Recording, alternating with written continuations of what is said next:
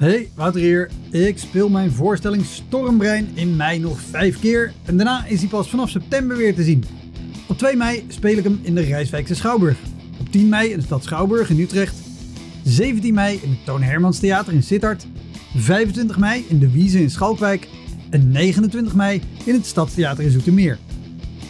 Eind mei maak ik mijn nieuwe speellijst bekend, inclusief een te gekke show in de zomer. Meld je via elektropodcast.nl of woutermonde.nl aan voor mijn nieuwsbrief.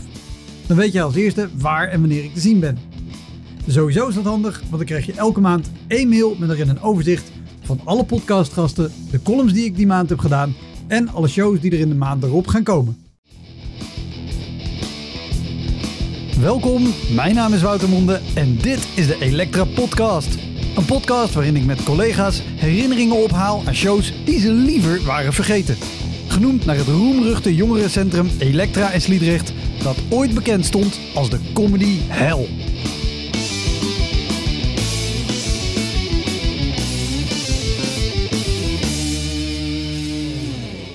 Deze keer is Valentina Toot te gast, cabaretier. Na afloop zei mijn vrouw: Die vrouw moet een pleister op haar mond plakken voor de rest van haar leven. Nooit meer iets zeggen en alleen nog piano spelen. Want dat kan ze wel. Ik dacht meer. En toen kwam er. Ja, Valentina begon al heel jong als klassiek pianiste. Was heel succesvol, maar vond dat eigenlijk helemaal niks. Daarna werd ze opgeleid tot actrice. Vervolgens ging ze cabaret maken en won in 2022 de jury- en publieksprijs op het Amsterdams Kleinkunstfestival. De Volkskrant riep haar uit tot comedytalent van 2023 en ze staat nu op het punt om te gaan toeren met haar eerste avondvullende voorstelling. Bij deze aflevering is ook nog een bonusaflevering met extra materiaal voor de crewmembers. Wil je ook crewmember worden? Kijk dan even op elektrapodcast.nl. Heel veel plezier. Dit is de Elektra Podcast met Valentina Toot.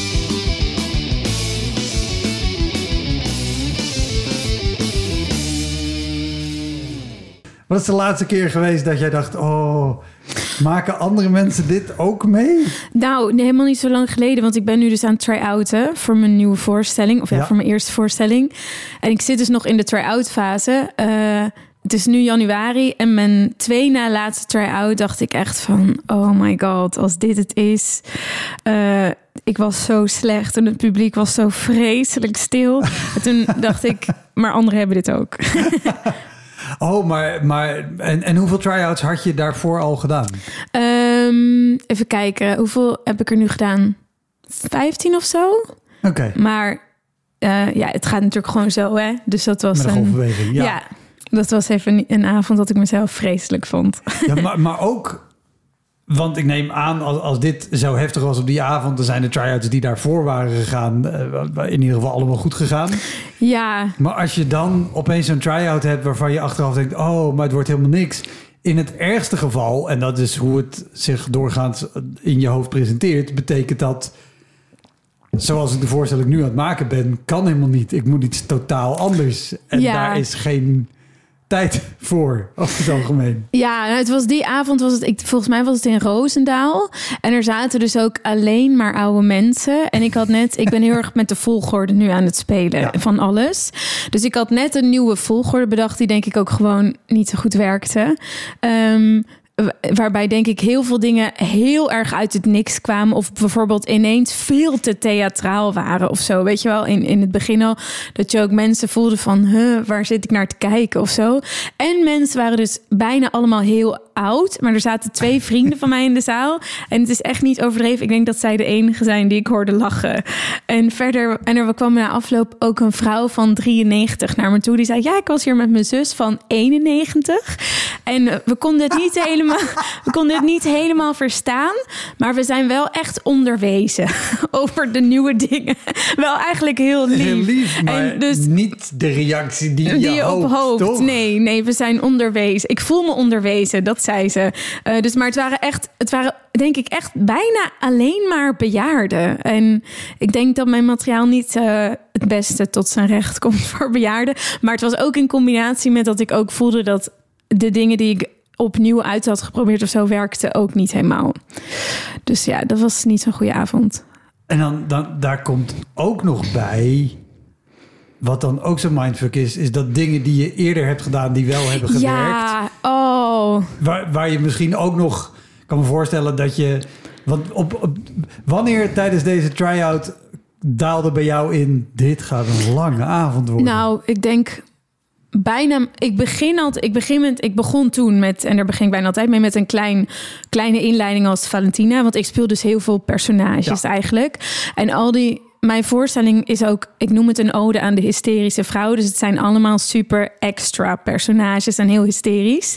Eh, want dat vind ik leuk en daar ben ik goed in. Maar eh, ik begin dus altijd, het, eigenlijk het eerste liedje dat komt, eh, is een alternatieve auditie voor K3. En dan zingt ze zo over, dat is iemand die auditie doet voor K3. En die zingt over ongesteld zijn. En dat er uit haar anus veel bloed komt en zo. En daar voelde ik al dat mensen vonden dat al te chockerend. Maar dan, snap je, dan moet je nog een hele avond van dat soort personages. En daarna heb ik, had ik een personage waar, dat bijna altijd toch wel werkt.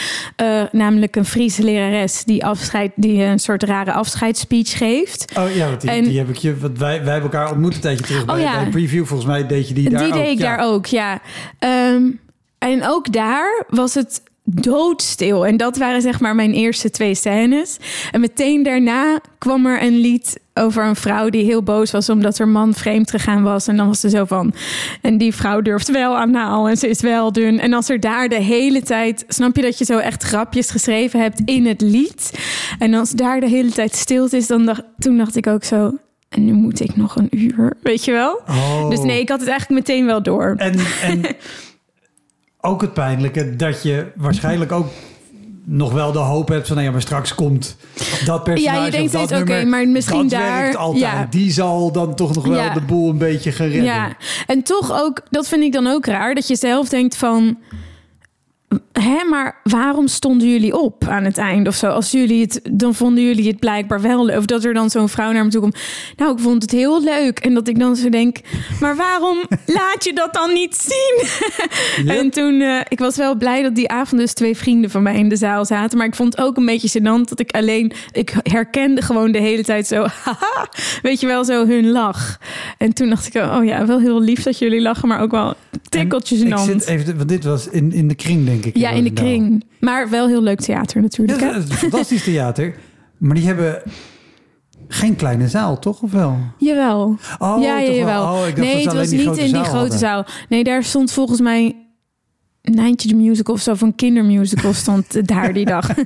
dus eh, Ja, ik heb bij de, bij de kring ooit... Dat was heel leuk om te doen, maar... In de zomer speelde ik in de tuin, want ze hadden een buitenprogramma, want het was nog eh, einde corona. Alleen dan sta je ook vrij dicht op, de, op een grote kerk van Roosendaal. Oh, ja. Dus elk half uur... gaat... eh, oh, De eerste keer kan je daar nog grap over maken en zeggen... nou, dat is leuk, ik maak een podcast over slechte omstandigheden. ja. De tweede keer is het vervelend en de derde keer... het Moet je het laten niemand- gaan, ja. En heb je, heb je na deze... eh, heb je wel ook nog alweer andere shows gedaan? Jawel, gelukkig eh, mijn laatste twee shows voor de kerstvakantie had ik gewoon weer van alles opnieuw veranderd. Wat dan voor grotendeels wel werkte. Dus ik ging wel met een goed gevoel even mijn vrije dagen in hoor. En, en, en kan je dan na zo'n try-out dat het, dat het gewoon niet loopt... kan je dat makkelijk naast je neerleggen? Ehm, ja, maar hangt er vanaf of ik voel. Want eigenlijk vind ik het bijvoorbeeld die avond in Roosendaal was wel heel nuttig eigenlijk. Omdat ik zelf ook voelde van, oh, dit werkt. Dit werkt gewoon niet of zo. Dus dan weet ik gewoon heel goed van... oké, hier moet ik dus aan werken. Dat is het, het wrange eigenlijk van de Ja. try-out... die op die manier heel slecht gaat... heb je eigenlijk veel meer aan Ja, ja veel meer. werkt. Ja, ja, echt veel meer. En dus eh, ik kan er op zich wel goed mee omgaan. Maar ik merk wel, want ik doe dit nu dus voor het eerst, zo'n eh, solo voorstelling maken. Dus ik ben nu twee maanden bezig met try-outen. Of ja, ik had voor de zomer ook al getry-out, maar de echte try-outs dicht op elkaar waren dan nu. Ehm, dus eerst voelde ik zo van, oh, ik heb heel veel tijd. Weet je wel, de première is nog niet in zicht. Dus voelde ik heel veel vrijheid. Dat ik dacht, oh, ik probeer dit uit, ik probeer dat uit. En dan kon ik ook op een slechte avond denken, oké, maar dit is eigenlijk hartstikke goed dat dit nu gebeurt. Maar nu komt de première dichterbij. Dus nu ben ik wel, als ik een slechte avond heb, dat ik denk, dan zo denk van... Oh my god, het wordt zo slecht. Niemand gaat lachen, weet je wel. Yep. Um, dus hoe, ja. hoe lang is het vanaf nu dat we dit opnemen toch tot... Uh, precies een maand. Ja. Oké, ja. ja. Ik heb nog precies een maand. Ja, dus dat dit gebeurde was de, de grofweg een anderhalf, maand geleden. Ja, een maandje geleden. Ja. ja, dat, is, dat is heel kort op je première om zo'n try-out te hebben ja. en in paniek te schieten. Ja, maar goed, ik was ook niet in paniek hoor, na die avond in Roosendaal. Maar ik dacht gewoon zo van, oh, dit had leuker kunnen zijn. Ja, en even een, een, een stap terug in de tijd. Want ik, ik googelde jou eerder en het grappige is, als je jou opzoekt, dan staat er vooral pianiste. Ja. En dan staat er actrice en dan staat er in je eigen bio uiteraard wel dat je allerlei dingen bij elkaar doet. En een mix van cabaret en muziek en weet ik wat. Maar jij bent geschoold actrice en pianiste. Ja. Hoe, hoe, hoe heb jij de overstap uh, ooit gemaakt naar, naar cabaret en kleinkunst? Want je hebt uiteindelijk um, AKF gewonnen. Ja, juryprijs en publieksprijs in 2022. Maar um, ja, dus het hele verhaal in het kort is dat ik was een soort, uh, nou ja, heel talentvol uh, pianokind, zeg maar. Um, en uh, daar heb ik ook echt een, een carrière in gehad. Op mijn vijftiende speelde ik bijvoorbeeld in Carnegie Hall in New York. Oh, wow. uh, dus ik was echt goed, maar ik vond dat echt hartstikke vreselijk en kut. um, en het was gewoon, ik was er heel goed in, maar het is nooit geweest wat ik wilde doen. Um, en, maar ik, en ik, durf, ik wilde eigenlijk altijd al theater doen en actrice worden. En zelf liedjes zingen vond ik ook heel leuk. Dus toen op een gegeven moment heb ik dan toch de moed gevonden om daarmee te stoppen uh, en naar de toneelschool te gaan. En dat was heel erg leuk, de toneelschool. En toen daar uh, ja, ben ik dus afgestudeerd als actrice. Maar daar vond ik altijd al wel. We moesten bijvoorbeeld elk jaar een solo maken. En dan maakte ik altijd iets wat eigenlijk nu heel erg lijkt op wat ik doe. Dus grappige ja. personages en vaak ook met zingen.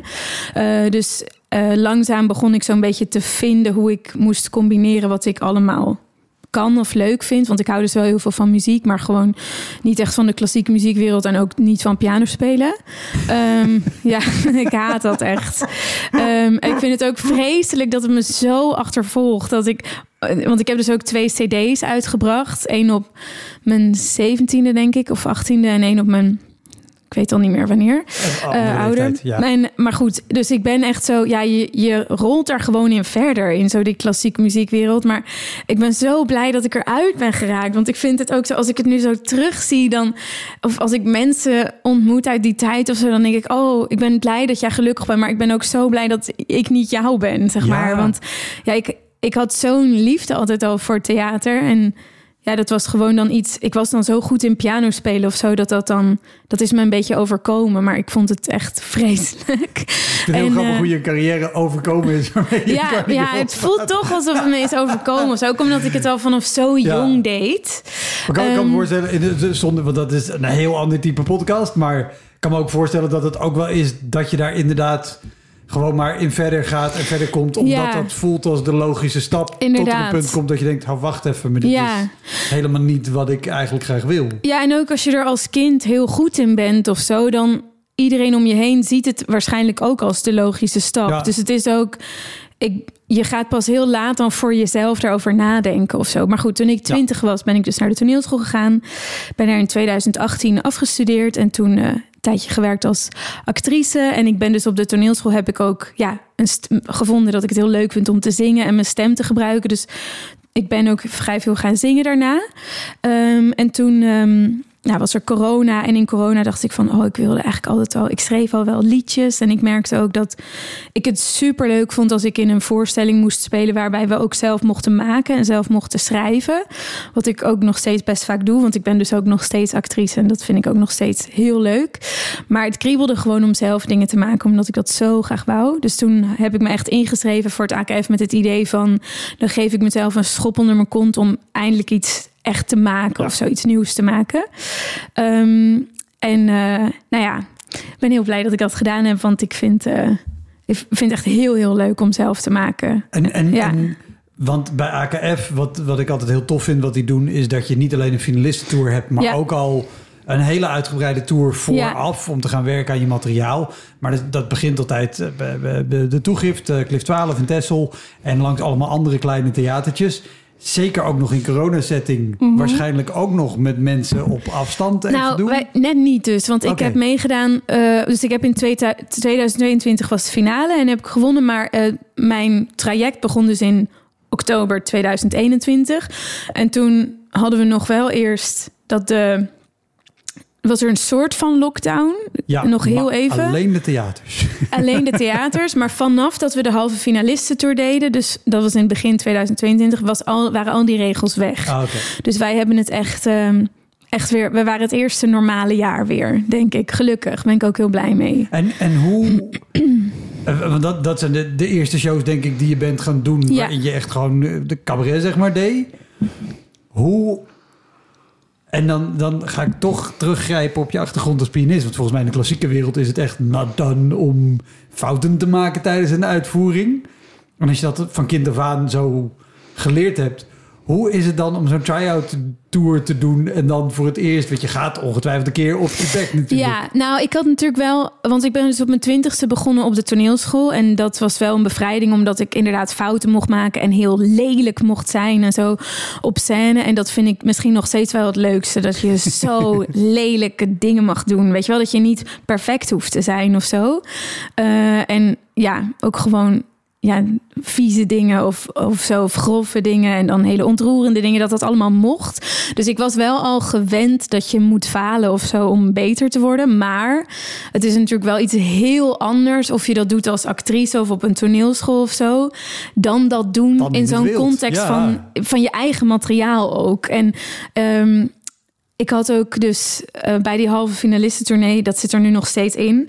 Maar mijn voorstelling gaat onder andere ook over een beetje dat ik een hele moeilijke relatie heb met mijn lichaam. En aan het einde doe ik een burlesque act, waarbij ik mezelf dus langzaam uitkleed. Terwijl ik een, het is een grappige burlesque act eigenlijk. Terwijl ik dus een lied zing over dat ik een hele moeilijke relatie heb met mijn lichaam. En dat ik het niet mooi vind, maar toch, dit is het dan of zo. Ehm, dus dat is ook wel, je, je zet dan ook wel jezelf op een soort gekke manier of kwetsbare manier of zo neer. Eh, en als, dan, als het dan niet werkte of zo, vond ik dat echt ja, super confronterend. En ik heb ook heel veel. Want weet je, weet je nog een eerste keer dat dat Nou. niet werkt? Of dat je dus ook, ervaart, eh, oh, dit, dit kan ook niet werken. Ja, ik heb hem ook in mijn lijstje geschreven. Maar ehm, de eerste paar keer dat ik dat deed, zo op die halve finalistentournee. Het, die scène, daar heb ik eigenlijk nooit iets aan veranderd. Die zitten op zich wel goed, maar hij komt aan het einde. En als de context niet goed zit of zo, kan je materiaal wel misschien nog goed zijn op zichzelf, maar kunnen mensen nog steeds denken van wat weird of zo. Dus mijn allereerste halve finale ehm, was in Haarlem. In eh, Theater de Liefde. Ja. Die allereerste halve finalisttournee. En ja, ik was ook gewoon heel zenuwachtig. Dus ik kwam, denk ik ook... En dan word ik ook altijd, denk ik, een beetje vreemd of zo. Dat ik niet meer zo goed leesbaar ben, zeg maar, op een podium. Dus ik... Volgens mij praat ik ook heel zacht. En toen... Nou ja, toen, het zat gewoon allemaal nog niet goed. En toen kwam ik bij dat einde. En toen moest ik echt soort van tranen wegslikken. En, en dat ik, omdat ik de hele tijd gewoon heel onzeker was of zo nog over het materiaal en zo. Dat ik echt de hele tijd dacht, oh, dit is niet goed, dit is niet goed. En ja, dat ik ook daarna ben ik echt ook in de kleedkamer echt in tranen uitgebarsten. En het was dus mijn eerste halve finalistentournee. Dus ik kende al die anderen ook niet zo goed. Toen was er een hele lief jonge Alexander. En die zei toen tegen mij... Maar je zingt wel heel mooi. En dat vond ik heel, echt heel lief. Maar ik dacht zo, dit wil ik nu niet horen. En dat, er waren ook, ja... Ja, dus dat was... ehm, nee, dat was hartstikke Ik vind het heel mooi leerzaam ook. dit... eh, de, de, de, volgens mij de, de, de kleinkunstvariant is van... maar je stond er wel. Nou, precies, ja. Maar je hebt wel een hele mooie stem. Maar ja, dat heb ik ook wel vaker gehoord in die tournee. Maar het ging, daar ging het ook gewoon zo natuurlijk. Dus dan had ik dat, je, dat ik ook soms zo verbaasd was van... hè, maar mensen vonden dit toch vorige week heel grappig. Waarom werkt dit dan nu niet meer? En soms is het natuurlijk het publiek... maar soms is het ook bijvoorbeeld gewoon dat jij te snel gaat of zo. Ja. Of, juist, of juist misschien net te onzeker overkomt of zo. Maar dat... eh, ja, dat wist ik toen allemaal nog niet. En ik ging ook altijd, dat realiseer ik me nu ook, ik ging ook gewoon vaak als ik zenuwachtig werd. Werd ik gewoon sneller, snap je? En ging ik gewoon, eh, gewoon doorspelen. Maar dan word je natuurlijk nog onduidelijker of En zo. En durf je helemaal niet het. Ja, moment ja. te voelen. Ja. Dus daarom ben ik wel heel blij dat ik bijvoorbeeld mee heb gedaan aan het AKF. Omdat je echt zo'n heel traject hebt daarvoor. Waarin ik eigenlijk, ik heb ook gewoon steeds nieuw materiaal gemaakt. Ook tijdens die tour. voor het AKF, zeg maar. En ik heb het idee, ik ken niet zo goed die andere festivals, maar dat je dan eerder komt met iets wat al meer af is of zo. Terwijl ik heb daar gewoon een beetje gezwommen tot ik vond Ja. wat ik wilde doen. Dus dat was. eh, Ja, nou ja, vol- volgens mij er- zijn er twee stromingen. Je hebt inderdaad, nou ja, bij AKV heb je de mogelijkheid om gewoon te ontwikkelen in aanloop daar naartoe. Bij de meeste andere festivals kom je toch met iets wat al redelijk af is. Ja. En dan krijg je nog wel je regieweekend. Maar Precies. niemand gaat in een weekend zijn hele show omgooien waar Nee. die al jaren werkt. ja. ja, en ik heb het echt. Toen was ik het aan het maken, steeds voor die rondes. En, en hey, want, want die tour die gaat langs allemaal kleine theatertjes. Maar als je nu vertelt over Roosendaal met allemaal bejaarden. Zo'n finalistentour of halffinalistentour is vaak ook iets waar juist de abonnementhouders van theaters hard ja, op gaan. de kleinkunstfans is ook volgens mij nog een apart slag publiek. eh. en ik maak ook wel, want ik heb inderdaad dus die klassieke achtergrond. Eh, dus ik, ik zing ook aria's, maar ik doe ik, ik doe allerlei. Dus ja, ik doe ook een soort parodie op K3, zeg maar. En alles wat daartussenin ligt. Dus ik, het is niet per se, denk ik, dat ik. ehm, dat ik precies ben wat kleinkunstlovers, waar zij sowieso van houden, zeg maar. Maar dat ziet er misschien ook wel bij, want ik ben heel veelzijdig. Maar ik voelde wel soms dat mensen het wel dan leuk vonden. Bijvoorbeeld die abonnementhouders, zeg maar, in, in het gooien of zo. Maar bijvoorbeeld als ik dan die burlesque act ging doen. Ik heb ook een keer een vrouw gehad, ik weet niet meer waar dat was. Ergens in het gooi. En ik, ik, had, ik heb dan een handschoen aan en die deed ik uit. Dus er was verder ook nog helemaal niks uitgegaan. En ik deed die handschoen uit en toen riep zij al... Oh nee, jeetje! Zeg maar, en zij zat op de eerste rij. Dus ik heb ook wel vaak gehad... Of niet heel vaak, maar dat ik dan die burlesque act ging doen... en dat mensen dan echt zo gingen zitten. Weet je wel, zo van... Nou, dit gaat toch echt te ver. Armen terwijl, elkaar, ja, terwijl op, ja. ja, ik vind eigenlijk dat het echt niet ver gaat of zo. Maar, en ik hou ook mijn onderbroek aan. Maar ja, dat, eh, dat heb ik ook wel gehad daar. En ook hele rare reacties van oude mannen. Maar daar heb ik er ook heel veel van in het lijstje on. staan. Maar misschien moet ik daarmee beginnen. Ja, kom maar op. Oké, deze staat ook op één. Dus Het dit- erg is dat ik, dat ik nu denk, ik heb wel een idee. En dat je zo meteen dingen gaat vertellen. En Ja. dat ik nog steeds denk, hoe krijgt iemand? Waarom Ja. bedenk je dat het goed is om dat hardop tegen iemand te zeggen? Maar vertel, Nou, laat ik niet te veel op zaken vooruit lopen. Ehm, ik heb dus. Dit is een, denk ik, een anekdote die best wel eh, staat voor heel veel dingen die ik heb meegemaakt. Dus hier komt het, denk ik, allemaal in samen. Maar ik had voor de zomer. Had ik een soort eerste try-out avonden, vier avonden in Bellevue Ja. in Amsterdam. Voordat ik dan na de zomer echt eraan zou beginnen. Een soort werkvoorstellingen Ja. tijdens het AKF Lab. Dus dat was ook via het AKF.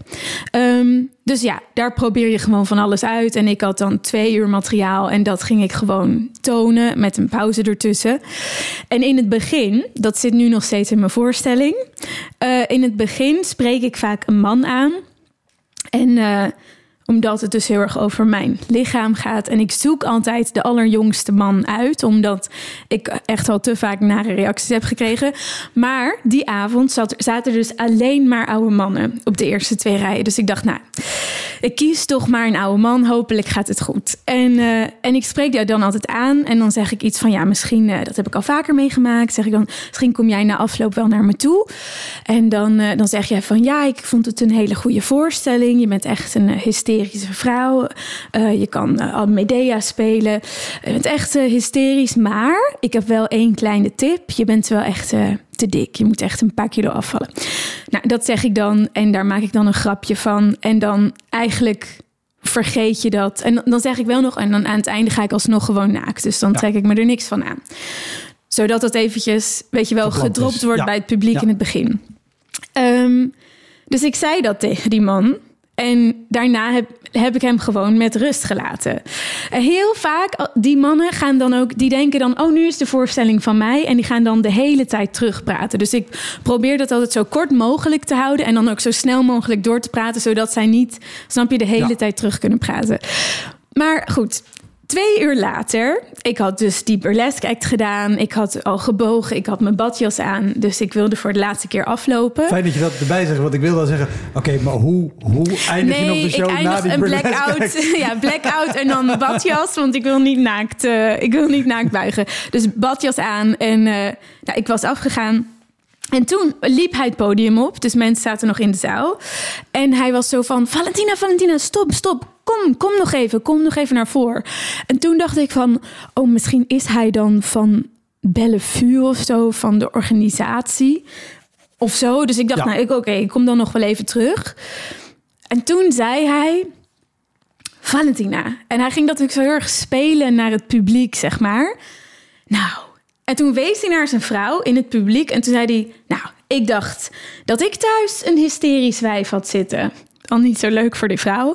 Maar in vergelijking met jou valt het allemaal nog wel mee. En toen ging hij me een paar complimenten geven. En ik dacht ook zo, hè, wat ben je aan het doen? Zeg maar zo, ja, je zou Medusa kunnen spelen en je kan alles zingen. En je bent echt de ultieme hysterische vrouw. Maar, en toen keek hij zo het publiek in en liet hij ook echt een lange pauze vallen.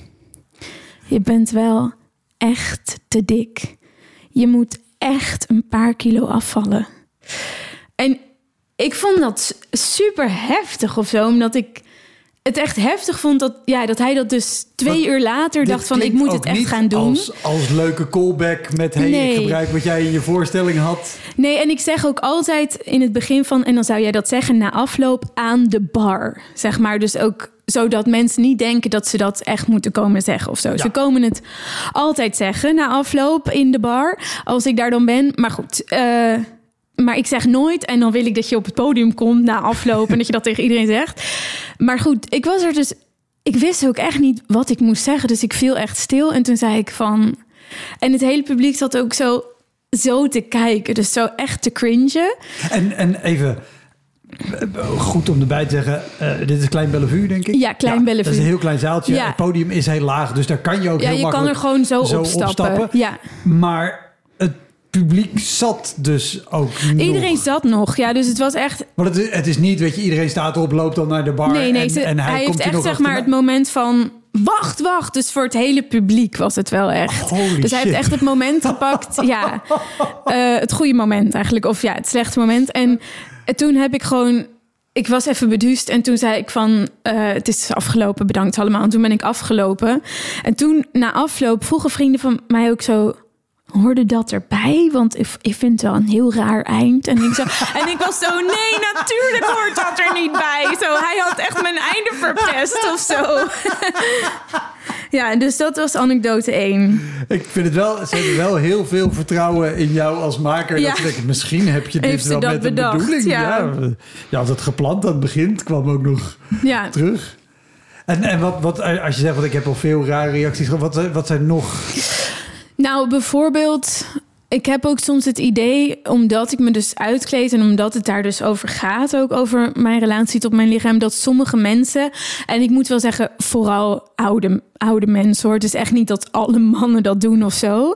maar sommige mensen zien dat dan denk ik als een soort toestemming om dan daar alles over te mogen zeggen of zo. Of dat dan eh, zo van die men, ja, bijvoorbeeld na afloop dat er dan mannen naar me toe komen en dat ze dan zo zeggen van mooie voorstelling, maar vooral prachtige kont heb jij. Zo dat soort dingen. En, en ik heb ook een keer dat de man die ik, ik heb namelijk, ik weet niet of je kunst in de kamer kent. Ja, het zijn eh huiskameroptredens. Ja. En die worden doorgaans gegeven bij mensen die een, een woning hebben met een huiskamer... waar je ook een theaterzaaltje in zou kunnen maken. ja, zeg precies. maar. En waar vaak ook een waar een piano ook vaak staat Ja, en zo en in die een gaan niet vleugel. zelf koken, er komt een cateraar. Dat, nou, precies. Ja, ook niet beeld. altijd. Maar goed, dat heb maar- ik. maar ja, Grofweg is dat de... dat heb ik dus gedaan. Nou, dat, dat wil ik niet meer doen, denk ik. Want ik heb dat dus een paar keer gedaan. En toen had ik ook dus een keer dat de man die ik aansprak, dat hij de hele voorstelling bleef hij maar ehm, reageren op alles wat ik zei, zeg maar. Dus dan had ik een scène gespeeld en dan zei ik iets van in het personage, ik weet niet eens meer wat, maar van leuk hè, zoiets of zo. En dat hij dan zou zeggen, ja, ik, ik vind het heel leuk. Ik vind je ook echt een hele mooie vrouw. Zo terwijl ik bezig was. Eh, dus ja, en dat was. Maar- Ja, dus en ik heb ook soms bijvoorbeeld Facebook berichtjes of zo gekregen van hey, je zei dat eh, je wilde dat ik na afloop nog iets tegen je zei, Ehm, maar ik vond je niet meer. Dus bij deze, je bent wel een paar kilo te dik, weet je wel? Dat mensen echt nog de moeite nemen om dat dan te sturen op Facebook. Dus dat soort weirde ik, dingen. Ik vind, het- ik vind hierbij eh, sowieso lastig, want er is, er is een bepaalde categorie die dit gewoon bedoelt als kwinkslag. Ja, Weet je, ik, ik, ik, heb een, een, een stuk over een, een, een, vrouw waar ik eh, een kickboxles bij doe. En het is een heel zweverig type. Eh, dus ik had van de week iemand en die schoot me aan. Zei, ook, ik wil nog wat zeggen. Ik vind het heel fijn dat je op mijn pad bent gekomen. Nee, ja, vind ik- precies. weet je, Ja. dat ligt in het verlengde Ja. van wat ik deed. Prima, dat kan. Dus dat is tot op een bepaalde hoogte is dat gewoon onschuldig. Ja, leuk. zeker. Je hebt, je hebt opgelet, je komt erop terug. En dan komt er een grens dat je denkt, oké, dit, kan niet helemaal. je, je kan het nog denken, maar hou het dan alsjeblieft Ja. voor je. Ja, En, en dan nog de categorie hoe, waarom? Ja. Maar, dit, maar dit- ik vind het, twee dingen dat ik denk, oh, maar hoe, hoe, hoe is dit voor jou? Of hoe doe je dit? A, als iemand al zo de hele tijd zit te reageren en jij zit in een, in een typetje, of een karakter of een personage typetje klinkt gelijk zo lullig, maar dat maakt je. Nee, laat ik het niet invullen. Hoe, hoe is dat? Wat, eh, kan je daar makkelijk binnen je personage reageren? Of kan je dat, want dan, dat moet je dan eigenlijk gescheiden houden van hoe je als gewoon persoon. ja nou, dat zijn echt dingen. Daar ben ik dus ook heel erg in aan het leren nu of zo. Want in het begin, als dat soort. eh, als ik, want ik heb dus ook de halve finalisten tournee gedaan. En het, dat is een half uurtje van het AKF. En nu speel ik dan alleen. En in het begin, als zoiets gebeurt, dan schrok ik vooral gewoon heel erg. En, probeerde ik door te gaan of zo. Terwijl nu eerder heb ik ook gemerkt dat hoe duidelijker ik ben of zo. Of hoe, en dan is soms is het ook wel fijn als je dan eh, het schild hebt van achter een personage zitten of zo. Want dan kan je echt harde dingen zeggen. En de- dan denkt het publiek, oh, dat is een grap. Maar dan eigenlijk meen ik dat dan Ja. gewoon. En dan kan ik hem wel. maar dat, in het begin durfde ik dat niet hoor. Maar als ik nu zo'n man in mijn zaal zou hebben, zou ik denk ik wel echt iets snels of hards kunnen terugzeggen. Maar in het begin dacht ik zo, oh, wat, wat moet ik hiermee? Weet je wel? En dat ik dan ook dacht, ik mag ook niet uit mijn personage komen.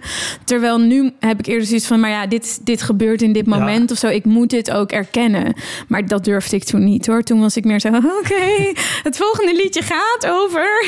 Weet je wel? Ja, nou ja, eh, dat, dat is dus de ene kant. En wat ik het dan ook heel lastig vind maken, is in zo'n woonkamer. Weet je, in een theater zit er ook nog. eh, Zijn de verhoudingen nog duidelijker? Waarbij je zegt, ik moet heel duidelijk maken. In een, in een theater is het al duidelijk, want jij zit op het podium in het licht, het publiek zit in het donker. Ja, Klaar, dus je hebt al, er is al een duidelijke machtsverhouding. Maar in zo'n woonkamer. ja. En dit zijn ook nog eens over het algemeen gewoon vrienden en bekenden van wie de woonkamer is. Dus het is een hele andere enorm. dynamiek waar je opeens in zit, die, die het dan volgens mij ook heel lastig kan maken op ga ik hier iets van mee doen? Ga ik er wat Ja, van of, zeggen? of ben ik dan alle sympathie kwijt, bijvoorbeeld? Dat kan ook. Is, Eh, is, is dat wel eens gebeurd dat, je, dat je het kwijt bent? geraakt? Nee, dat is nog niet echt gebeurd. Of ik heb wel, nou, jawel trouwens. Ehm, daar heb ik ook een verhaal over. Hey, Wouter hier. Ik speel mijn voorstelling Stormbrein in mei nog vijf keer. En daarna is hij pas vanaf september weer te zien. Op 2 mei speel ik hem in de Rijswijkse Schouwburg. Op 10 mei in de stad Schouwburg in Utrecht. 17 mei in het Toon Hermans Theater in Sittard. 25 mei in de Wiese in Schalkwijk. En 29 mei in het Stadstheater in Zoetermeer. Eind mei maak ik mijn nieuwe speellijst bekend, inclusief een te gekke show in de zomer. Meld je via elektropodcast.nl of woutermonde.nl aan voor mijn nieuwsbrief. Dan weet je als eerste waar en wanneer ik te zien ben. Sowieso is dat handig, want dan krijg je elke maand één mail met erin een overzicht van alle podcastgasten, de columns die ik die maand heb gedaan en alle shows die er in de maand erop gaan komen. Dit was niet kunst in de kamer, maar het was iets vergelijkbaars. Dus ik moet ook even, denk ik, zeggen dat ik was dus een vrij bekende pianiste. En alle plekken waar ik gespeeld heb of zo, zo van die klassieke plekken. Soms word ik nu dan gemaild door die plekken van... hey, we hebben ook een soort leuke randprogrammering, bijvoorbeeld in de zomer... waar we dan dingen doen net een beetje anders dan klassiek. En dan zeg ik altijd van... of nou ja, dat vraag ik dan aan mijn agent of ze dat zegt van... weten jullie zeker dat Valentina geschikt is? Want... Ik denk de meeste klassieke muziekliefhebbers of zo vinden wat ik doe echt blasfemisch. Dus zij vinden echt wel, dit is heidens. Ja, dat ik. eh, En dan Heidens als in niet gelovig, niet een heiden. ja, nee, niet gelovig voor het religie van Ja. de klassieke muziek, zeg maar. Nee, nee. Eh, omdat ik, ja, ik doe gewoon... Ik veeg ook een beetje de vloer aan met die klassieke muziek. En ik doe ook allemaal, denk ik, slechte smaakdingen. En ik zing bijvoorbeeld ook de aria van de Koningin van de Nacht. Maar die heb ik wel gewoon opgeknipt naar lekker drie minuten. Eh, dus dat vinden Schande. zij... Ja, schande. En ik zeg ook in de voorstelling... In, in brand Precies. is ongelooflijk. Nee, ik zeg ook in de voorstelling dat ik eh pianospelen ook heel kut vind en zo. Dus dat vinden zij altijd al nou, heel eh, chockerend. Ehm, dus als ik dan zo gevraagd word voor dat soort dingen, vraag ik altijd aan mijn agent: ja, zeg wel even wat, wat voor vlees ze in de kuip hebben. Maar goed, ik had dus in de zomer eh, in Kasteel Amerongen, heette dat in het gooi ook. eh, een soort aanvraag gekregen van een plek waar normaal dan klassieke concerten zijn. Maar in de zomer hadden ze dan dus een ander soort programmering buiten en wat luchtiger. En ehm, zij vroegen of ik een uur wilde doen. Nou, dus ik zei van dat is goed, ik doe dan een uur. Ehm, alleen maar oude mensen weer. En Ik zie een thema. ja, eh, en dus allemaal klassieke muziekliefhebbers. En ik werd ook echt aangekondigd, zag ik toen. eh, en dat deed de mijn man die het aankondigde ook, maar ook in het boekje van eh, super. Ze heeft hier al heel vaak opgetreden ehm, als klassiek pianist. En dan nu de combinatie van klassieke muziek en humor. Maar wat ik doe is niet de combinatie van klassieke muziek en humor. Snap je? Dat is gewoon een soort mix van heel veel stijlen. En er zit ook wel klassiek bij. Maar ja, ik ben ook gewoon actrice of zo. Dus ik- je hebt ook niet de hele tijd muziek. Ehm, dus toen dacht ik al van oef. En ik kwam daar aan. Ja, maar het li- het lijkt me ook heel irritant als je, als je aan, eh, in de coulissen staat aan de zijkant of van waar Oh, je het dan ook is opkomt. zo En je vervelend. hoort die aankondiging. Want Ja. je weet, ja, maar dit is totaal niet de verwachting. Ja, ja, wat ik ook heel irritant vind sowieso is dat ik heel vaak word aangekondigd als de geweldige pianiste en ook eh, een beetje cabaret Valentina. Terwijl ik dan denk ik altijd zo van ja, maar die mensen krijgen bijna geen klassieke pianomuziek en wat denk ik veel impressive, meer impressive is dat ik dan veel meer zing. Bijvoorbeeld in dan dat ik achter de piano zit. Dus dat, het voelt ook altijd een beetje dat ik zo denk... oh, maar wanneer gaan mensen mij zien als niet meer pianist of zo? Omdat ik mezelf echt niet meer zo zie. Maar goed, anyway. Ik kwam daar aan die dag... Eh, en er was een eh, aardige eh, man die de techniek deed. Dus ik had hem gewoon mijn audiobestandjes doorgestuurd. En ja, er was ook natuurlijk... Het was buiten in een soort tent. Dus er was niet echt iets van licht. En wat ook super onhandig was...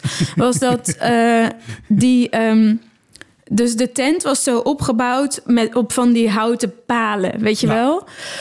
Maar dus in mijn speelvlak stond ook vrij grote paal in het midden. Eh, dus ik even, moest... dit, dit, is zo'n tent die gewoon zeg maar heel veel punten heeft. En ja, weet zo- je wel, zo'n witte tent- tent- partytent-achtig. Ja, Ja, oh, ja, Ehm, met zo aan de zijkanten dat het wel open is, weet je wel? Ja. Ehm, maar goed, in het midden stond dus zo'n best dikke grote paal. Dus ik voelde ook de hele tijd van... ja, ik moet de hele tijd, zeg maar... Snap je? Eromheen Zo spelen, eromheen ja. spelen. Dus dan ging ik weer even daar staan en dacht ik... oké, nu bedien ik dat publiek, maar dan moet ik weer even terug... want dan bedien ik het andere publiek. Ehm, dus dat was al vrij onhandig. En die, die techniekman zei ook, ja... ehm, ja, ik heb wel een beetje moeite met ehm, de aansluiting. Want eh, ja, soms stoort hij een beetje zo, de, zo wat in de laptop moest, weet je wel? Zo eh, het kabeltje. Die kabel van 995. Ja. dus ik dacht al zo van, oh, oké, nou ja, we zullen zien. Ehm, en toen begon ik. En ik begon dus met dat liedje over K3. En er zaten alleen maar oude mensen. En ik denk ook, er zaten alleen maar mensen die mij nog kenden uit de tijd dat ik pianist was. Dus die dachten misschien dat ze naar een heel lief kleinkunst... ehm, op, ja, op kleinkunst optreden gingen kijken. En ik zie er natuurlijk ook lief uit. Dus mensen denken vaak van, oh, er En- komen lieve liedjes. Ook nog, als ik het, weet je, van wat je zo vertelt, denk ik, als die jou eerder gezien hebben als pianiste, die nog allemaal onder de indruk waren van een heel jong meisje. Ja, wat heel ook goed- dat. Dus ja. dat. En wat nu opeens met iets heel anders uit de Ja. hoek komt, dat is ook wel een ding hoor. Ja, ik ben van een lief meisje met lange vlechten naar een soort weirde vrouw met rood, kort rood haar gegaan. Dat is denk ik voor hen al heel heftig. Ehm, En ik voelde, oh ja, en wat ook nog zo was, op de eerste rij zat een moeder met een kind. En dat kind was negen, denk ik. Ik, had, ik heb dat toen gevraagd. Ik denk dat ze acht of negen was. Ehm, maar ja, mijn voorstelling is denk ik ook niet heel kindproof. Ik heb ook bijvoorbeeld een lang stuk over een aanranding die ik heb meegemaakt en zo. Maar goed, en ik begon dus met dat liedje over ongesteldheid van K3. En toen voelde ik, ik hoorde ook in de zaal zo, oh, bij de oude vrouw zo, oh, nou. En ook, ja, bij sommige woorden hoorde ik echt zo, nou zeg. Uh, dat was het begin. Dus er werd nog wel een beetje gelachen in het begin. En de enige persoon die echt hard lachte, was dus dat kind. En dat, die zat op de eerste rij. En toen dacht ik, ja, ik ga ook gewoon een beetje voor jou spelen vandaag. Want jij lacht en zij had er volgens mij wel uh, plezier in. En het werd stiller en stiller. En ik heb dus ook een lied... Uh, Oh, het was, het was allemaal zo gênant. En ik dacht ook, uh, na vijf minuten of zo, of na tien minuten, dacht ik ook ik krijg hier heel goed voor betaald. En dat moet ik onthouden. Dus ik heb met die mindset de, echt de voorstelling gespeeld en het ook gewoon geprobeerd af te draaien. Zeg maar, omdat ik echt, ik begon, ja, dat klinkt misschien echt een beetje heftig, maar ik begon echt een soort vijandigheid te voelen van dat publiek. En dat alles wat ik deed of zo, dat het allemaal wel heel chockerend was. En dan het werd ook, ja, ik heb dan een scène waarin ik Medea speel, die dan slachtoffer is geworden van de toeslagenaffaire. En dan ga ik ook zo mijn eigen kinderen vermoorden. En dat is dan ook zo'n beetje vies of zo. En dat, dat vonden ze volgens mij ook echt heel chockerend. En dan ging ik op een gegeven moment eh, mijn oude pianolerares zo gezegd naspelen. En dan ging ik ook zo hele gemene dingen zeggen. En dan de koningin van de nacht zingen en zo. En ik voelde echt bij mensen dat ze dachten: Nou, dit kan gewoon niet wat dit meisje doet. En toen kwam er ook nog een lied over ja, dat kaarsincident van Johan Derksen. Ik weet niet of je dat nog weet. Ja, Johan Derksen die lachen vertelt dat hij in de jaren zeventig een keer, ja, nou, bij een vrouw thuis. Die vrouw was dronken. Die hebben een, kaars, kaars ingestoken. Ja, is weggegaan. Nou, daar had ik dus ook iets over. Um, nou ja, en het ik, het werd gewoon steeds stiller. En ik dacht ook de hele tijd: ik moet me straks nog uit gaan kleden voor deze mensen. Ehm, dus, en ik had al zo, ik had al de voorzien, ik had al wel niet het materiaal gepakt dat het meest expliciet was. Gedachte, sorry, maar dat, dat, ik, ik, ik, ik herken heel erg wat je zegt, want ik heb ook wel gehad, of dat je dus denkt, oh, maar straks komt nog Weet je, dat stukje, er zit een grap in, die gaan wel werken. Of dat je al weet, oh kak, straks komt dat stuk, dat gaat dan ook niet werken. Maar nooit zo extreem dat je al gewoon tijdens je voorstelling denkt... ik moet me straks ook nog uitgekleden ja. voor deze mensen. En ik bleef maar denken van, ja... Sorry, ik, ik blijf veel te nee, maar, heb, Je, heb je... Was, was er geen plan B? Moest je eindigen op de burlesque? Nou, of heb je nooit gedacht joh, ik skip dat ballet. Ik ga voor deze mensen toch niet eh, naakt op het podium staan. Nou, ik was dus wel de hele tijd aan het denken van... hoe kan ik het uur vol krijgen zonder dat ik dat hoef te doen, ja, zeg maar. Maar ik had dus al mijn allerheftigste materiaal eruit gehaald. Namelijk iets over een aanranding die ik heb meegemaakt. En dan echt ook echt een heel grof liedje... Um, of ja, nee, ik vind dat niet grof, maar dat, zal, dat zullen zij dan wel grof vinden of zo. Ik vind dat helemaal niet grof eigenlijk. Maar um, dus ik dacht, wat kan ik doen, wat kan ik doen, wat kan ik doen? En het was ook in de zomer voordat ik ging ter Dus ik had ook niet zoveel meer dan dat. En ik dacht ook, ja, die techniekman denkt ook nu echt dat ik uh, dit ga doen. Dus ik voelde me ook een beetje... Ik dacht, ik moet wel tegen, voor hem in elk geval doen wat ik, wat ik had gezegd dat ik ging doen. Want hij had ook een scriptje. Oh ja, en dus bij, die, bij dat... Um, bij dat doodschieten van Medea, ja. uh, van de toeslagenverre. Um, daar was dus die kabel die niet goed werkte. Dus op een gegeven moment moest daar even een soort ja, komt het Lacrimosa van Mozart erin en ik zing mee. En dat is dan op een iets wat een dramatisch moment had moeten zijn. Dus ik laat een stilte vallen en dan moet dat ja, drie seconden stilte zijn. En dan moest dat erin komen. Dus ik laat die stilte vallen en ik dacht ook, ik ga het ook zo uh, makkelijk mogelijk houden voor hem. Dus elke cue dacht ik, ik wijs gewoon naar hem dat hij het aan mag zetten. Dus ik wees en toen hoorde ik zo. Uh, en toen, uh, nou ja, toen ging de muziek wel aan, maar af en toe hoorde je dus zo. Dus dat was ook, nou ja, dat hielp ook allemaal niet. Maar goed, toen had ik dus dat einde gedaan. Toen voelde ik ook echt dat, ja, dat mensen het wel echt ver vonden gaan. En toen eh, het wordt echt nog een lang verhaal. Ja, hey, bring it on. Nou ja, toen hadden de mensen wel applaus gegeven, bloemetjes. Dus, nou, dat was allemaal oké. En de programmeur was ook 81. Ehm, ja, dus het, echt, het wordt ook gewoon gerund door ja, wat oudere mensen. En ehm, nou, de programmeur zo van, nou, volgens mij eh, ging het best wel eh, goed. Ik had wel het gevoel dat sommige mensen het wel een beetje heftig vonden aan het eind. eh, maar ik vond het goed gaan. Dus ik zei, oké, nou, de fijn, eh, dankjewel. Ik dacht ook, ik wil hier zo snel mogelijk weg. En toen ging ik mijn spullen halen na afloop. En ook ja, de vrijwilligers en die man die de techniek had gedaan... die zeiden dus helemaal niks over de voorstelling. Maar die waren echt zo van... moet je nog eh, eh, ver eh, naar huis? En ik was zo, en ja, ik moet naar Gent. Oeh, eh, met de auto? Nee, met, de, met de trein en de bus. Oké, nou, ehm goede reis. Dus ik voelde ook dat zij het ook ongemakkelijk of zo hadden gevonden. Want ja, anders zou je wel denk ik even zeggen van... hey, goed gedaan Ja, ja, of ja, zo. het is... Mensen kunnen eigenlijk volgens mij nog beter zeggen... joh, sorry, maar ik vond het helemaal niks. Ja, dan zo dan zo opzichtig moet je nog.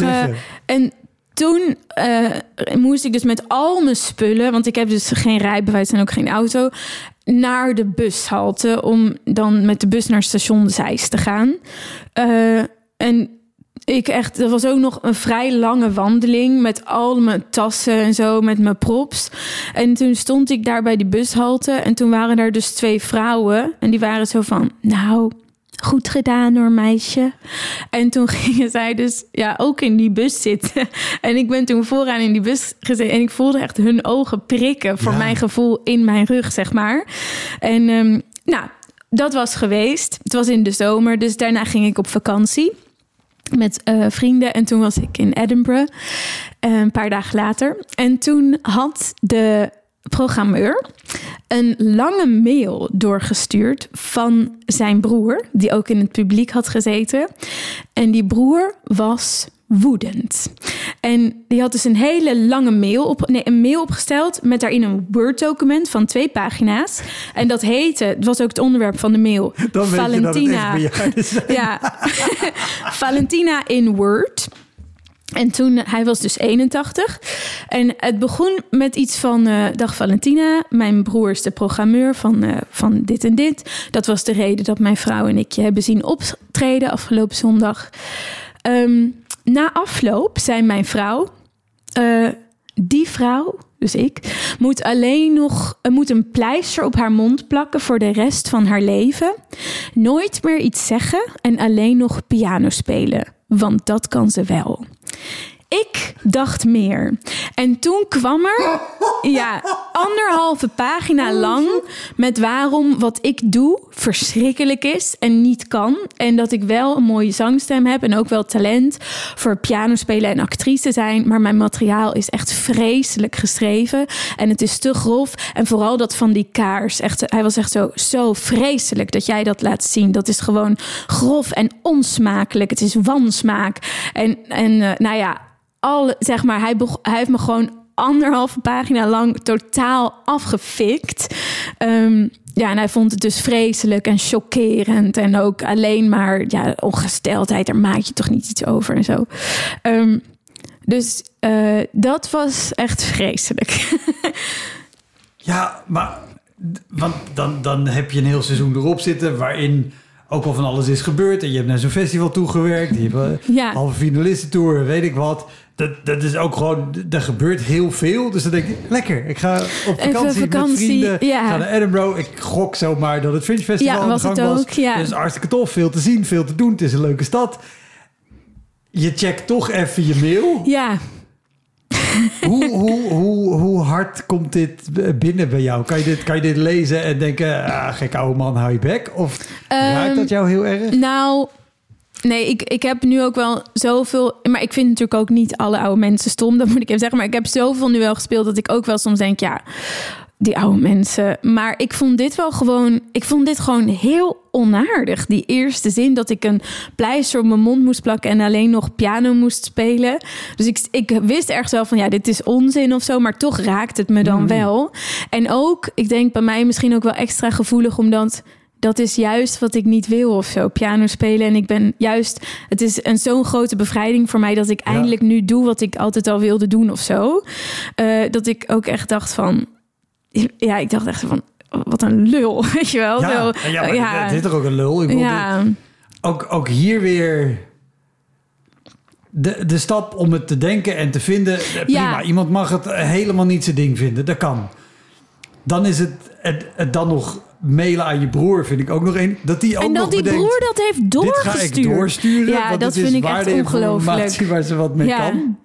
Ja, ik dacht ook, ik vond het ook een beetje heftig, want die broer had dus nog mijn e-mailadres van vroeger.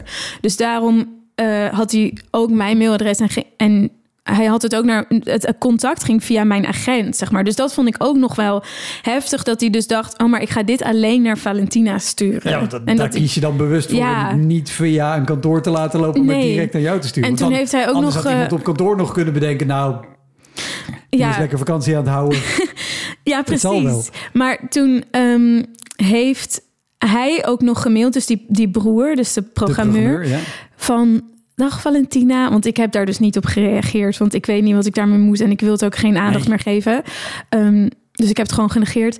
Misschien kan je de reactie van mijn broer nog gebruiken in je voorstelling. Dus hij had denk ik ergens ook wel door dat het wel, nou ja, in elk geval heftig was of zo. Maar ik vind het zo raar dat je dat dan doorstuurt. Ja. Ja, het, het is ook wat wil je ermee? Ik bedoel, ja, Ja.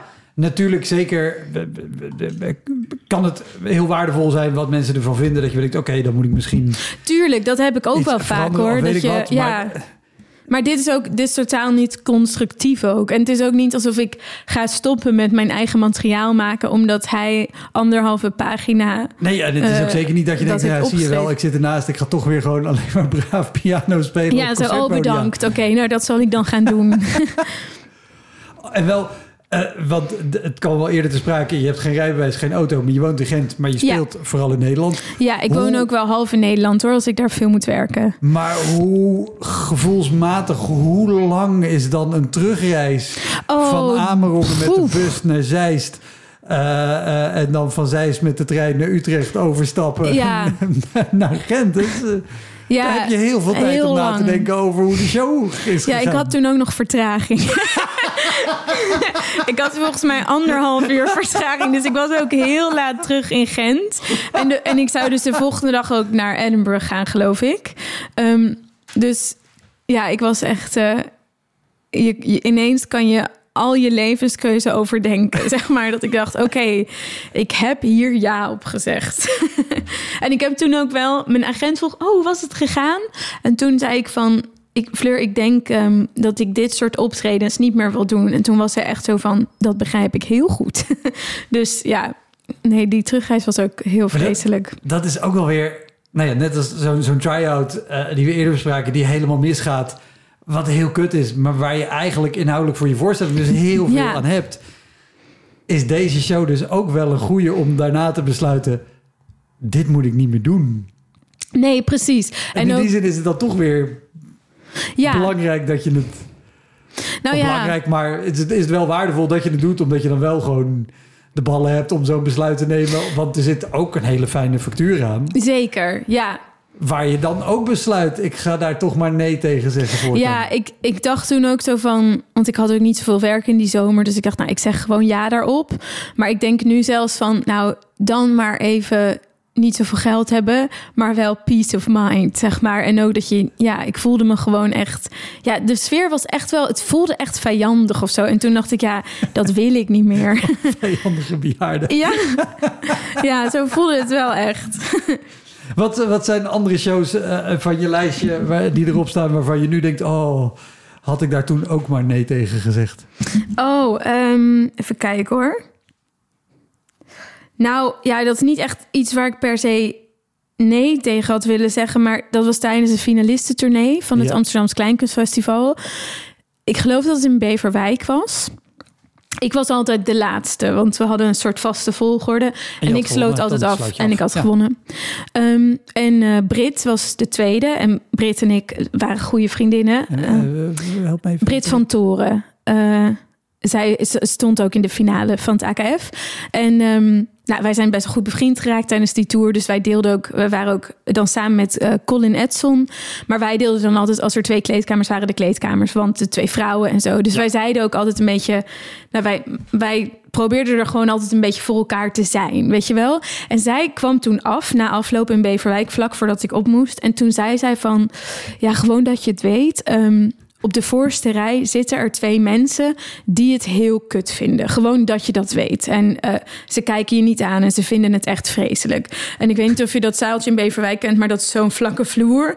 Dus het publiek zit gewoon op het speelvlak. Oh, de, de kleine zaal van De kleine zaal, ja. ja. ja, ja. Ehm, en eh, nou, ik kwam op en ik zag ze eigenlijk al meteen. Het- was denk ik een stel, een man en een vrouw. En die man zat hele, was vrij lange man, zat helemaal onderuit gezakt. Dus zijn schoenen kwamen echt, zeg maar, in het licht sto- stonden zijn schoenen. Weet je wel, in het Ja. licht van gewoon de lampen. Eh, Ja. En die vrouw zat ook al heel nors te kijken. Maar goed, ik dacht, ik begin gewoon. Eh, en ik voelde echt al dat zij het niet leuk vonden. Maar ik dacht, nou, ik speel gewoon door en het is oké. En ik was natuurlijk ook nog niet zo heel ervaren... want het was een beetje in het begin van die finalistentournee. Ehm nou ja, en ik was aan het spelen en ehm, ik moet ook mensen aanspreken op de eerste rij in één personage. Maar er zat dus bijna niemand op de eerste rij. Zij zaten er en er zaten nog twee mensen en nog een plukje, nog twee mensen. Dus zes mensen, denk ik. En ik moest die bijna allemaal aanspreken. Dus op een gegeven moment sprak ik ook hen aan. En toen zat hij mij echt al woedend aan te kijken, omdat ik hem aansprak. Maar goed, ik dacht, ik ga gewoon door. Ik dacht ook wel, wat doen jullie hier? Zo, waarom zijn jullie hier als jullie dit echt niet willen. En toen was er eerst nog iemand aan de linkerkant die zat de hele tijd op zijn telefoon. Nou ja, Oh, prima, niet zo chill, maar goed, die zat op zijn telefoon. En op een gegeven moment ging die telefoon af. Nee. En toen nam hij op eh, op de eerste rij. En toen, dus hij nam op. Terwijl ik ook, eh, ik zat weer in dat stuk van de toeslagenaffaire waar het dus eigenlijk heel serieus moet zijn. Maar goed, die telefoon ging, hij nam op en hij wilde de zaal uitlopen, maar daarvoor moest hij ook door mijn spot. Dus hij was zo, ja, wacht even hoor, wacht even.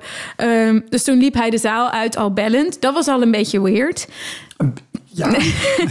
Toen kwam die uitkleedscène en ik heb daar een boa die ik op een gegeven moment, nou, ik gooi sommige kledingstukken gooi ik in het publiek en andere op het podium, maar de boa gooide ik in het publiek en ik was ook echt al een beetje klaar met dat stijl, dus ik gooide dat zo'n beetje richting hem, richting die vrouw en die man.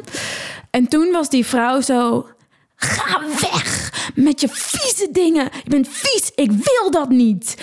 Eh, dus zij had een soort uitbarsting terwijl ik aan het zingen was en de band liep. En ik, ik had dat dus nog nooit meegemaakt, zoiets. En ik vond, ik schrok daar echt van dat zij echt woedend was en dat ze zei: Jij bent vies met je vieze dingen. Ehm, dus toen, ja, zeg maar, dat was denk ik de laatste anderhalve minuut is dat. Maar ik, ik had daar echt zo'n soort emotionele reactie op. Dus toen had ik ook een soort snik in mijn stem en probeerde ik zo... Ja, ik voelde zo de tranen achter mijn ogen zitten, zeg maar. En toen heb ik het zo uitgezongen. En mijn vriend zat die avond ook in de zaal helemaal boven. En hij zei van, ja, ik zag wel dat je een beetje iets weird zat of zo. Maar ik had niet echt door wat er gebeurde. Dus het viel niet zo op. Compliment voor, Ehm, je, voor je spel. Ja, misschien, maar voor mij voelde het wel heel Ja. groot of zo. Dat ik, ik dacht ook echt, iedereen heeft dit gezien, zeg maar. En ik werd er ook natuurlijk een beetje opstandig van. Dus zij zei, ga weg met je vieze dingen. En toen heb ik ook nog gedaan, zo in het zingen.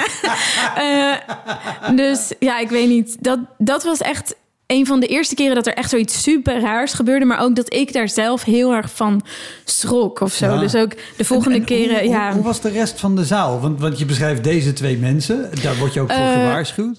Ja, een beetje stil, maar er waren ook niet zoveel mensen. Dus er zaten ook best wel verspreid. Dus het zat denk ik, nou niet, niet eens half vol. Misschien net ietsje minder dan dat. Dus het- de zaal was gewoon ook al heel stil Ja. hoor. Dus het was ook, het was sowieso niet zo'n... Ook zonder die mensen had ik denk ik niet zo heel erg Ja. genoten van die Nou avond. ja, het, is ook dat ik het vraag, omdat je natuurlijk, weet je, je wordt dan al gewaarschuwd door iemand die eerder op is geweest met, oh, er zit daar dat stel, die zit op de eerste rij. Het gevaar is natuurlijk ook dat je heel erg focust op ja. wat je denkt, wat zij ervan vinden. En dat vaak ook nog eens projecteert op, dan zal de Ja. rest dat ook wel vinden.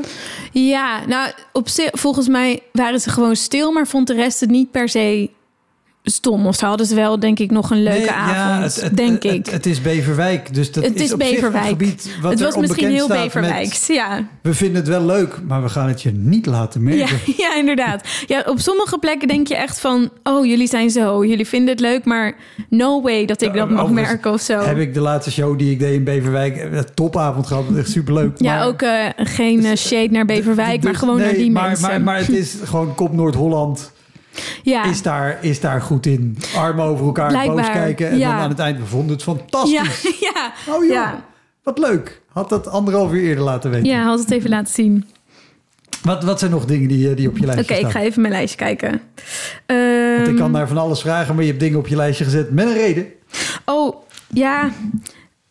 Mag ik ook vertellen over een ervaring die ik heb gehad gewoon als actrice? Uh, tuurlijk. Ik had ooit, ik liep stage ooit bij een voorstelling. Dus een van de eerste dingen die ik dan echt deed in het werkveld. Ik zat nog op school en eh, ik, deed twee stages. En mijn eerste stage was. ehm, het heette Nachtasiel. En dat, was, ehm, dat is eigenlijk een stuk over daklozen van Maxim Gorky, een uh, Russisch toneelschrijver.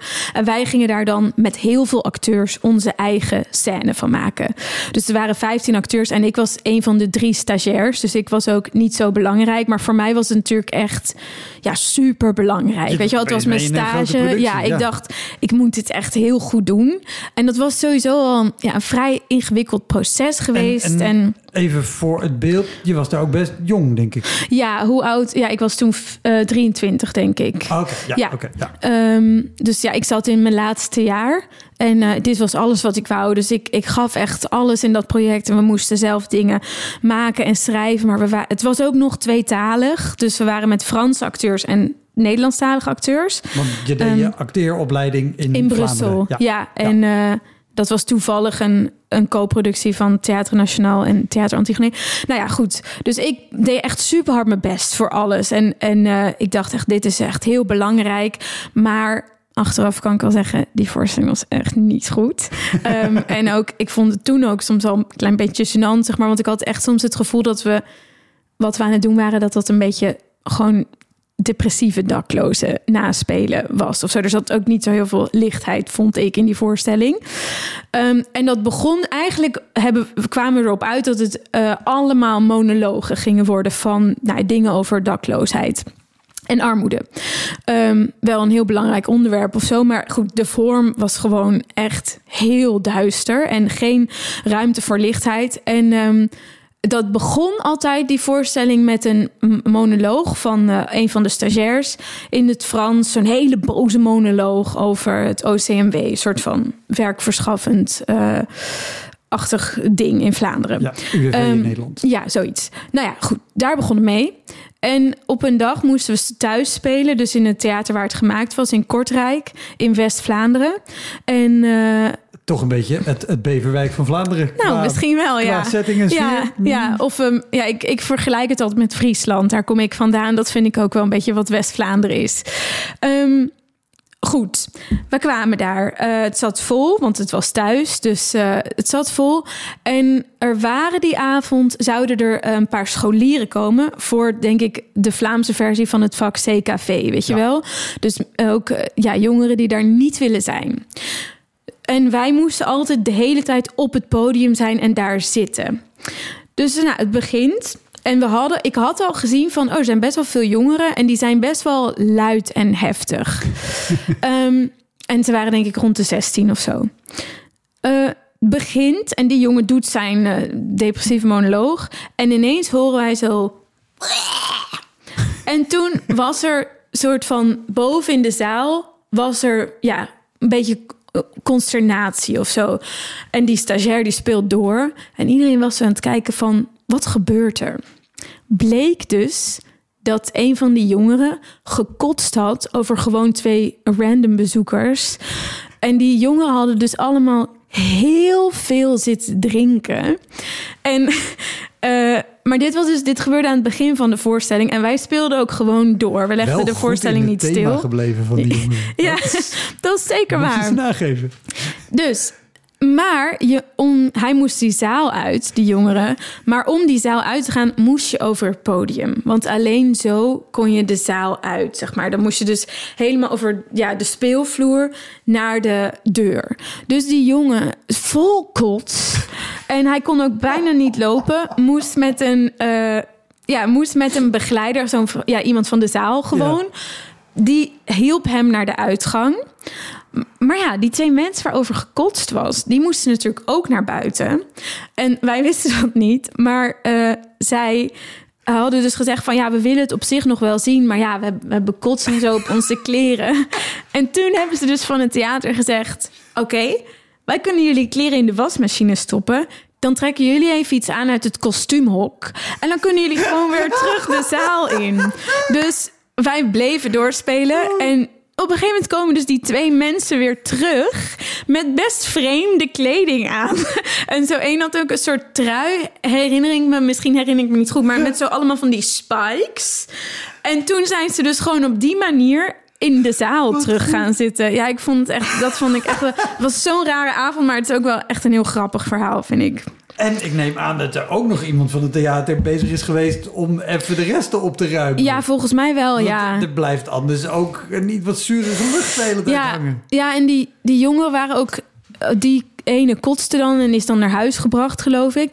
Maar ze waren allemaal wel echt heel dronken. Dus eentje is ook gewoon op een gegeven moment... zo aan de trappen van de tribune gaan zitten. En die zat de hele tijd zo'n beetje zo zwalkend op haar telefoon tijdens de voorstelling. Dus ik voelde ook wel... En op een gegeven moment ging er ook heel veel naar de wc en zo.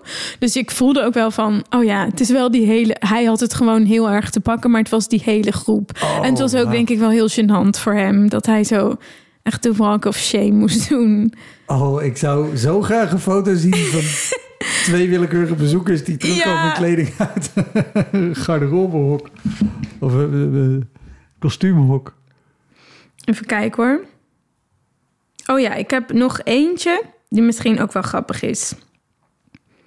Want, want, want eh, eh, voordat we niet beginnen, heb, je, heb jij verder ervaring met, met CKV'ers in de zaal? Ja, Want, want wat, je, wat je vertelt qua onderwerpen die je trouwens, hebt en, ja. je, en, je, en je burlesque act aan het eind. Als jij een burlesque act doet waarbij je eh, op je onderbroek naakt op het podium staat... en er zitten allemaal 15, 16-jarige jongens die gaan niet stil blijven. Nee, nou, ik had ehm, vorig jaar, vorig seizoen had ik een cabaret stafette. Ik weet niet meer waar. Ehm, maar daar zaten volgens mij echt heel veel CKV'ers. Ik denk twee klassen of zo. Dus zeker wel 60, 50, 60, jongeren. ja. Ehm, en die zaten denk ik een beetje in het midden. En toen ik al zei in het begin van aan het einde ga ik me uitkleden. Toen hoorde ik al zo... Snap je dat je zo dat geroezemoes hoort van dat ze dat echt niet geloven? Nou, en toen ging het eerste kledingstuk uit aan het einde. Het was sowieso echt al heel moeilijk om, om ze erbij te houden. Omdat ze zo... Soms heb je toch dat mensen zo reageren... maar dat je voelt van ja, maar je, bent- je bent niet echt aan het reageren. Je bent meer soort van tegen je vrienden stoer aan het doen... wie er het hardst kan Ja. lachen of zo. Of Ja. het hardst, ja. Dus dat voelde ik al de hele tijd. Ehm, maar goed, toen ging dat laatste kledingstuk uit. Eh, of ja, dat eerste kledingstuk. En vanaf toen was er zoveel geluid en geroezemoes. En zo van, oh my god, zij gaat dit toch niet echt doen? Deze chick. Weet je wel? Eh, dat ik gewoon, ik denk dat geen enkel woord te verstaan is geweest, dat hele lied. Eh, en ik dacht ook op een gegeven moment van... Want ik was ongesteld. Dus toen dacht ik, misschien ben ik aan het door. Zeg maar, ze waren zo hard aan het reageren dat ik dacht, dit gaat niet. Ze- Er is echt iets te zien of zo. Maar dat was ja. dus niet zo. Maar eh, ja, toen ik was zo blij toen ik van dat podium af had. Want dat ja, af was. Ik, dat was gewoon weird of zo. Zoveel jongeren die zo in ongeloof. Ik weet niet, daar heel hard op En, reageren. en, en was er ook hier niks in jou dat zei... of ik doe deze avond een ander einde aan mijn half uur? Ja, toen dacht ik, nee, ik ga het gewoon doen. Ja, nee, maar Ja. Moet, moet je ook denken, natuurlijk. Want Ja. het is je voorstelling, dus dat doe je. En ik, Maar- ik had toen ook nog niet veel nieuw. Dit Ja. was het eigenlijk. Het ah, half uur was wat ik had. Dus ja, nee, ik had gewoon niks anders. Ja, en, en waar helpt het dan dat je, dat je gewoon geschoold actrice bent? Zie je dan jezelf, zeg maar, in zo'n act gewoon als ik voer nu dit stuk uit als een, als een personage. Want ik kan me voorstellen, weet je, ik sta gewoon, ik ben heel erg mezelf op het Ja. podium. Ik kan me voorstellen dat het. Nee, de- als ik me voorstel hoe het voor mij zou zijn. Ik zou me makkelijker uit kunnen kleden als een personage wat het op dat moment Ja. doet. Dan dat ik gewoon Wouter Monde sta uit te kleden. Ja, nou Snap dat je lied wat, is... ik, wat ik bedoel? Ja, snap ik echt. Dat lied is dus net het lied waar ik eigenlijk mezelf ben. Eh, dus ik vind het wel makkelijker om in personage... Ja, het is gewoon minder eng of kwetsbaar of zo... om in personage dingen te doen. Dus daarom denk ik ook dat... Maar goed, het is sowieso een kwetsbaar lied of zo... kwetsbaar materiaal. Maar dat vind ik eigenlijk altijd wel het moeilijkst. Of zo. Dat als ik voel dat mensen daar heftig op reageren... vind ik veel minder erg dan wanneer ze heftig reageren op een personage of zo. Ja. Want dan, dat personage kan daar ook altijd wel nog iets mee. En ik misschien niet per se, denk ik. Wil je nog meer verhalen van Valentino horen? Dat kan, want als je crewmember wordt, dan steun je de podcast maandelijks met een klein bedrag en heb je toegang tot extra bonusmateriaal. Kijk op elektropodcast.nl. Dat was hem, de Elektra Podcast. Meer informatie over mijn gast van vandaag en linkjes naar van alles en nog wat vind je in de omschrijving van deze aflevering. Er staan ongelooflijk veel afleveringen online van Elektra. En op elektrapodcast.nl kan je makkelijk zoeken op de naam van jouw favoriete comedians en cabaretiers. Je kan daar ook eenmalig doneren of crewmember worden. Als crewmember betaal je maandelijks een klein bedrag, maar dan krijg je ook nog eens bonusmateriaal. Je luistert voortaan zonder onderbrekingen en je krijgt consumptiebonnen die je kan inleveren bij een show van mij. Ik vind het sowieso te gek als je een keer komt kijken bij mij. Dus ga naar woutermonde.nl. Daar zie je precies waar en wanneer ik optreed. Of meld je aan voor de nieuwsbrief. Dan hou ik je op die manier op de hoogte. En dan nog iets. Elke vrijdagmorgen doe ik een column op radiostation Kink. Je kan die column terugluisteren als podcast. Hij heet Kink op de Week en je vindt hem in de app waar je ook deze podcast luistert. Oké, tot de volgende Elektra. Hoi!